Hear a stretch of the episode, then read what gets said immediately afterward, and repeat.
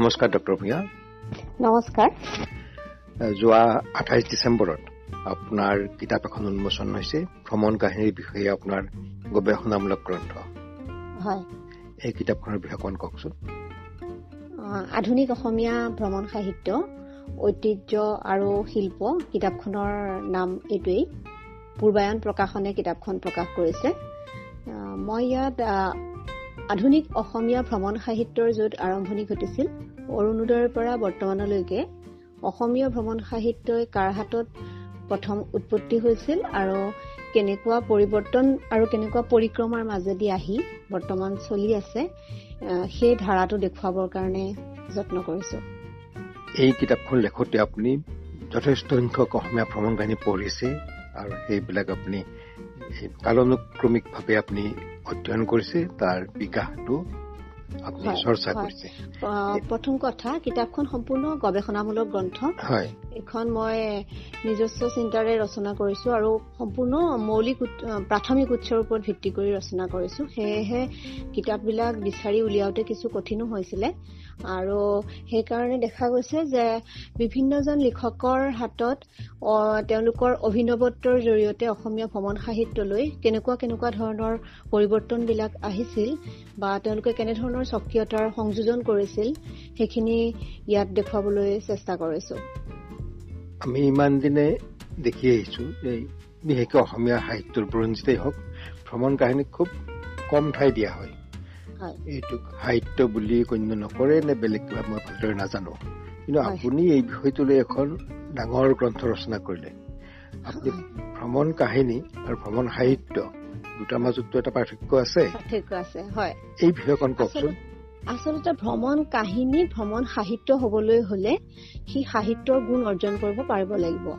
আমাৰ বৰ্তমান সময়ত এনেকুৱা অনেক ভ্ৰমণ কাহিনী ৰচিত হৈ আছে যিবোৰ ধৰক টুৰিষ্ট গাইডৰ দৰে সেইবিলাকক সাহিত্যৰ পৰ্যায়লৈ নিবলৈ অসুবিধা।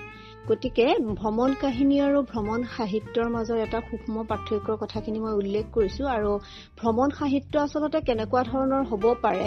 ভ্ৰমণ সাহিত্যই সাহিত্যৰ ৰূপ পাবলৈ কি কি গুণ বৈশিষ্ট্য তাত থকা দৰকাৰ? কেনেকুৱা প্ৰকাৰ হ'ব পাৰে? এনেধৰণৰ কিছু তত্বগত কথাও মই আলোচনা কৰিছো আৰু এইটোৱে দেখুৱাবলৈ যত্ন কৰিছো যে বৰ্তমান সময়ত কেৱল য'ত আমি ইউটিউব বা গুগল মাৰিলে এখন পৃথিৱীৰ গোটেই ছবি তথ্য সকলোবোৰ পাব পাৰো তেনেকুৱা সময়ত এজন ব্যক্তিয়ে কোনোবা এখন দেশ ফুৰিবলৈ গৈ কেৱল বাহ্যিক কথাবিলাক যি দেখিলো তাকেই লিখিলো ধৰণে যদি লিখি থাকে তেতিয়াহ'লে সেই ভ্ৰমণ কাহিনীয়ে কেতিয়াও মানুহক আপ্লুত কৰিব নোৱাৰিব বা সি সাহিত্যৰ ৰূপ ৰূপত প্ৰতিষ্ঠিত নহব।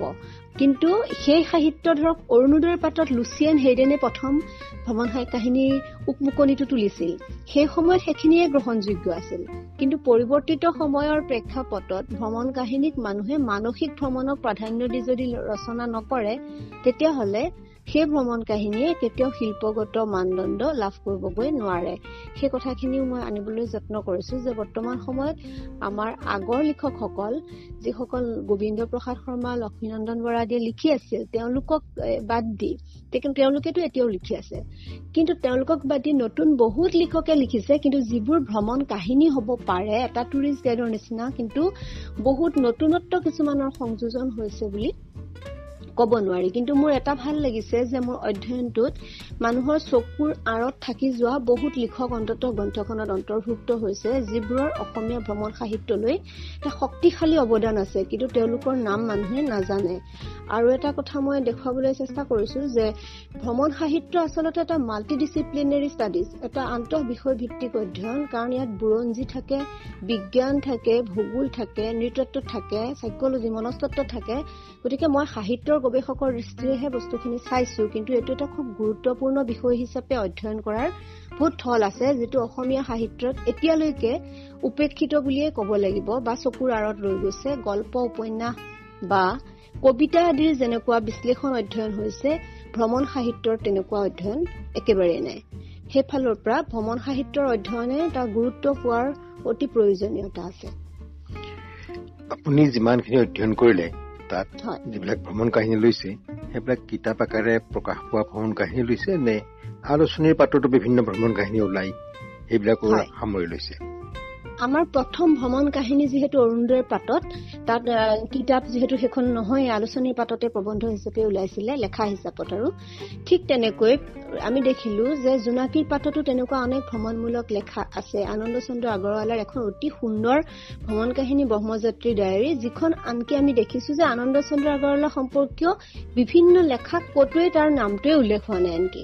বহুততে নাই। তেনেকুৱা ধৰণৰ এখন ইমান সুন্দৰ ভ্ৰমণ কাহিনী গতিকে যিবোৰ আলোচনীৰ পাতত আছিলে সেইবোৰ প্ৰবন্ধ হিচাপত হলেও মই আলোচনালৈ আনিছো। কিন্তু প্ৰথম অসমীয়া ভ্ৰমণ সাহিত্যৰ পুথিখন হৈছে জ্ঞানদাভিৰাম বৰুৱাৰ বিলাতৰ চিঠি।